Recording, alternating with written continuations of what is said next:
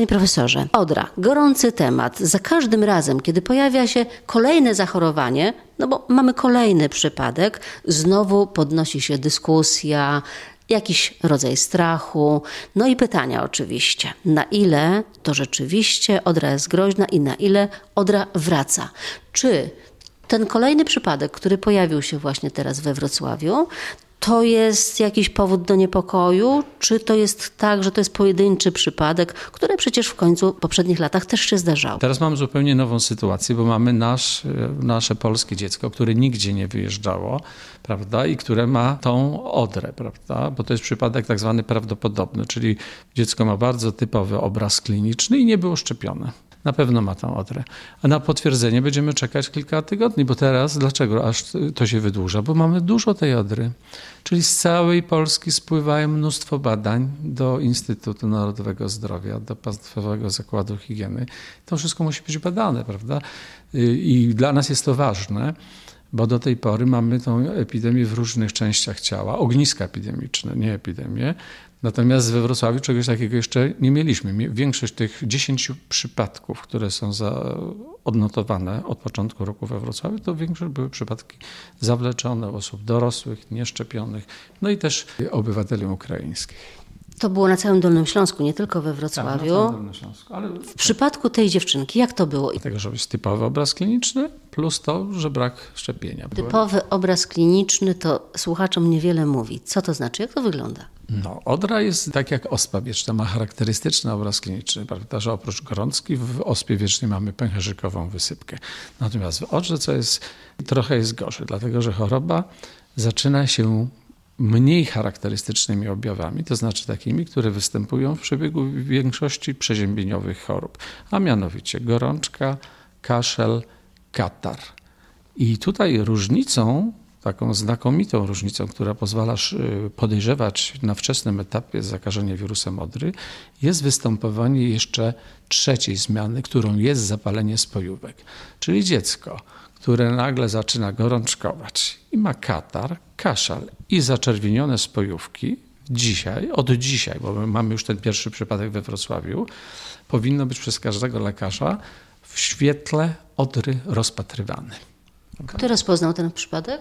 No, dziecko przyszło do nas z wysypką do kliniki. Czy ta dziewczynka mogła zarazić inne dzieci w przedszkolu? No nie tylko, że mogła, bo tylko na pewno kogoś zakaziła. Tylko teraz chodzi o to, czy to zakażenie będzie miało następstwa dalsze, bo osoba jedna średnio z odrą to potrafi zakazić od 12 do 18 osób. A to dziecko przez 3 dni w okresie zakaźności i tutaj wrócę do tych objawów klinicznych, czyli te objawy niecharakterystyczne odry, na które składają się gorączka, kaszel, katar, zapalenie spojówek, prawda? To jest, y, wtedy pacjent jest najbardziej zakaźny, a jeszcze w większości przypadków się nie wie, że ono ma odrę to dziecko, prawda? O, rozpoznanie y, kliniczne odry tak naprawdę łatwe dopiero staje się y, z ujawnieniem się osódki bo cechą charakterystyczną osódki odrowej jest to, że pojawia ona się na głowie, prawda, na twarzy i to jest w pierwszym dniu. To jest osódka.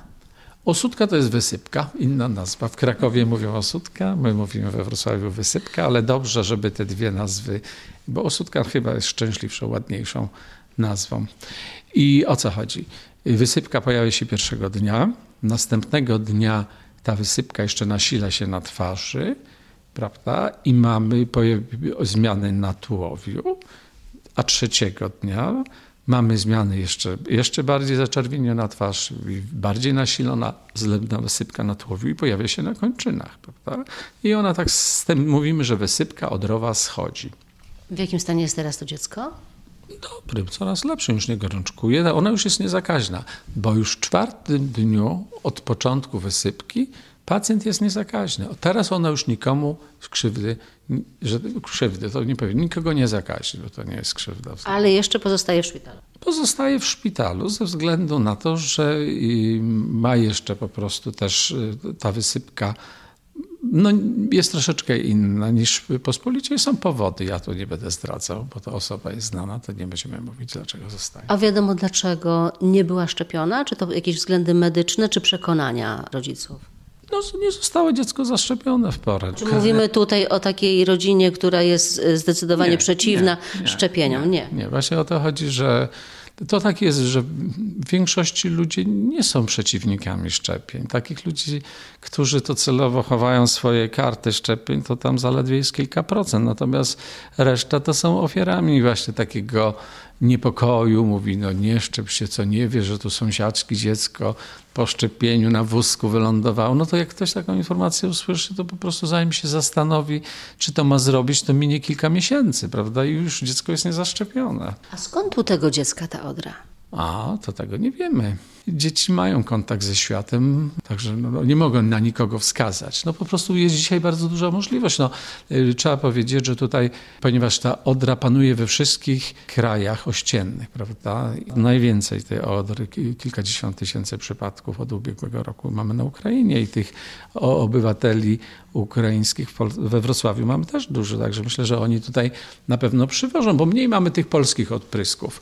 Można to zawlec z Włoch, z Francji, z Rumunii, bo we wszystkich tych krajach y, występują te zachorowania aktualnie. Panie profesorze, mówił Pan o tym, że ma Pan kontakt z przedszkolem. Czy w tym przedszkolu inne dzieci mogły być zarażone? Czy w tym przedszkolu jest konieczna jakaś kwarantanna, zamknięcie, dezynfekcja, czy jakieś takie czynności tam się wykonuje?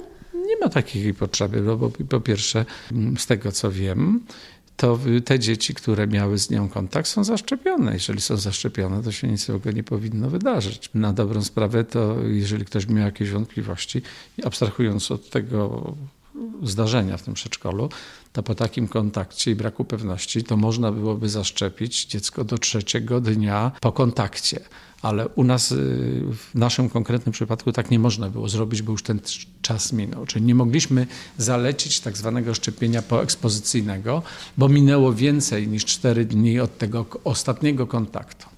Bo teraz pewnie rodzice zastanawiają się, czy posyłać tam dzieci do tego przedszkola, czy mogą spokojnie tam no, posyłać no w tej dzieci. chwili to, to jest tak, że po kontakcie osoba, y, która nawet inkubuje tą chorobę, nie jest jeszcze zakaźna.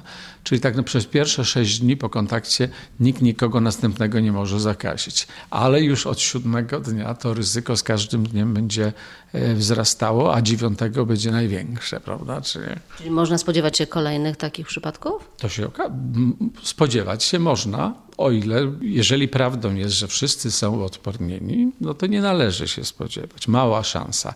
Chociaż zachorowania na odrę również zdarzają się u osób zaszczepionych, ale y, raczej to nie będzie dotyczyć dzieci, tylko tych osób dorosłych, co są dawno zaszczepieni. Natomiast my też wiemy, że pierwsza dawka szczepionki to jest też 5% nieskuteczności pierwotnej, dlatego też stosujemy te drugie dawki przypominające. Panie profesorze, pamiętam czasy jeszcze mojego dzieciństwa. Wszyscy chorowaliśmy na odrę i teraz przeciwnicy szczepień wykorzystują ten argument i mówią, no i jakoś żyjemy.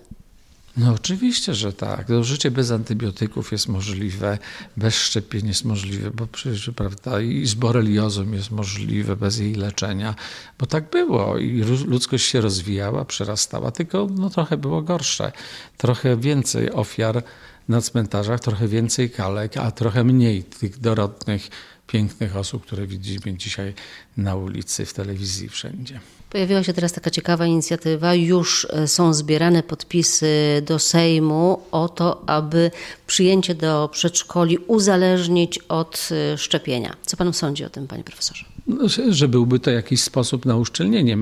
Sądzę o tym jako praktyk, który się zajmuje tymi rzeczami, że nie, może to nie być takie proste, dlatego że mm, e, proszę zwrócić uwagę na niesolidność i możliwość fałszowania dokumentacji. Prawda? Jeżeli w tej chwili kilka procent ludzi chowa swoje karty szczepień, nie ma to żadnej instytucji. Musielibyśmy najpierw wprowadzić taki system w Polsce, że każde nowonarodzone dziecko jest zarejestrowane i wiemy o nim, czy jest zdrowotnie prowadzone pod opieką lekarza. Z tego, co słyszę od moich kolegów, to są rodzice którzy celowo chodzą po różnych lekarzach, nie ujawniają swojej karty szczepień, żeby nie być namierzone. To są tacy pasjonaci unikania szczepień. Ale jednak może to być jakieś narzędzie, to uzależnienie od y, szczepienia, przyjęcie do e, przedszkola. No to uważam, że po prostu to by było bardzo dobrze. Przede wszystkim rodzic posyłając dziecko powinien chociaż wiedzieć może nie nominalnie, które dziecko, ale powiedzieć, że, że w tym i tym przedszkolu mamy stopień wyszczepialności przeciwko krztuścowi wysiąga 95%, 100% przeciwko odrze, na ospę wieczną 30%, prawda? Bo po tym sobie można byłoby szacować, co mi się może przydarzyć albo co ja muszę zrobić, nie? Bo jeżeli wiem, że coś, to ja się mogę zabezpieczyć.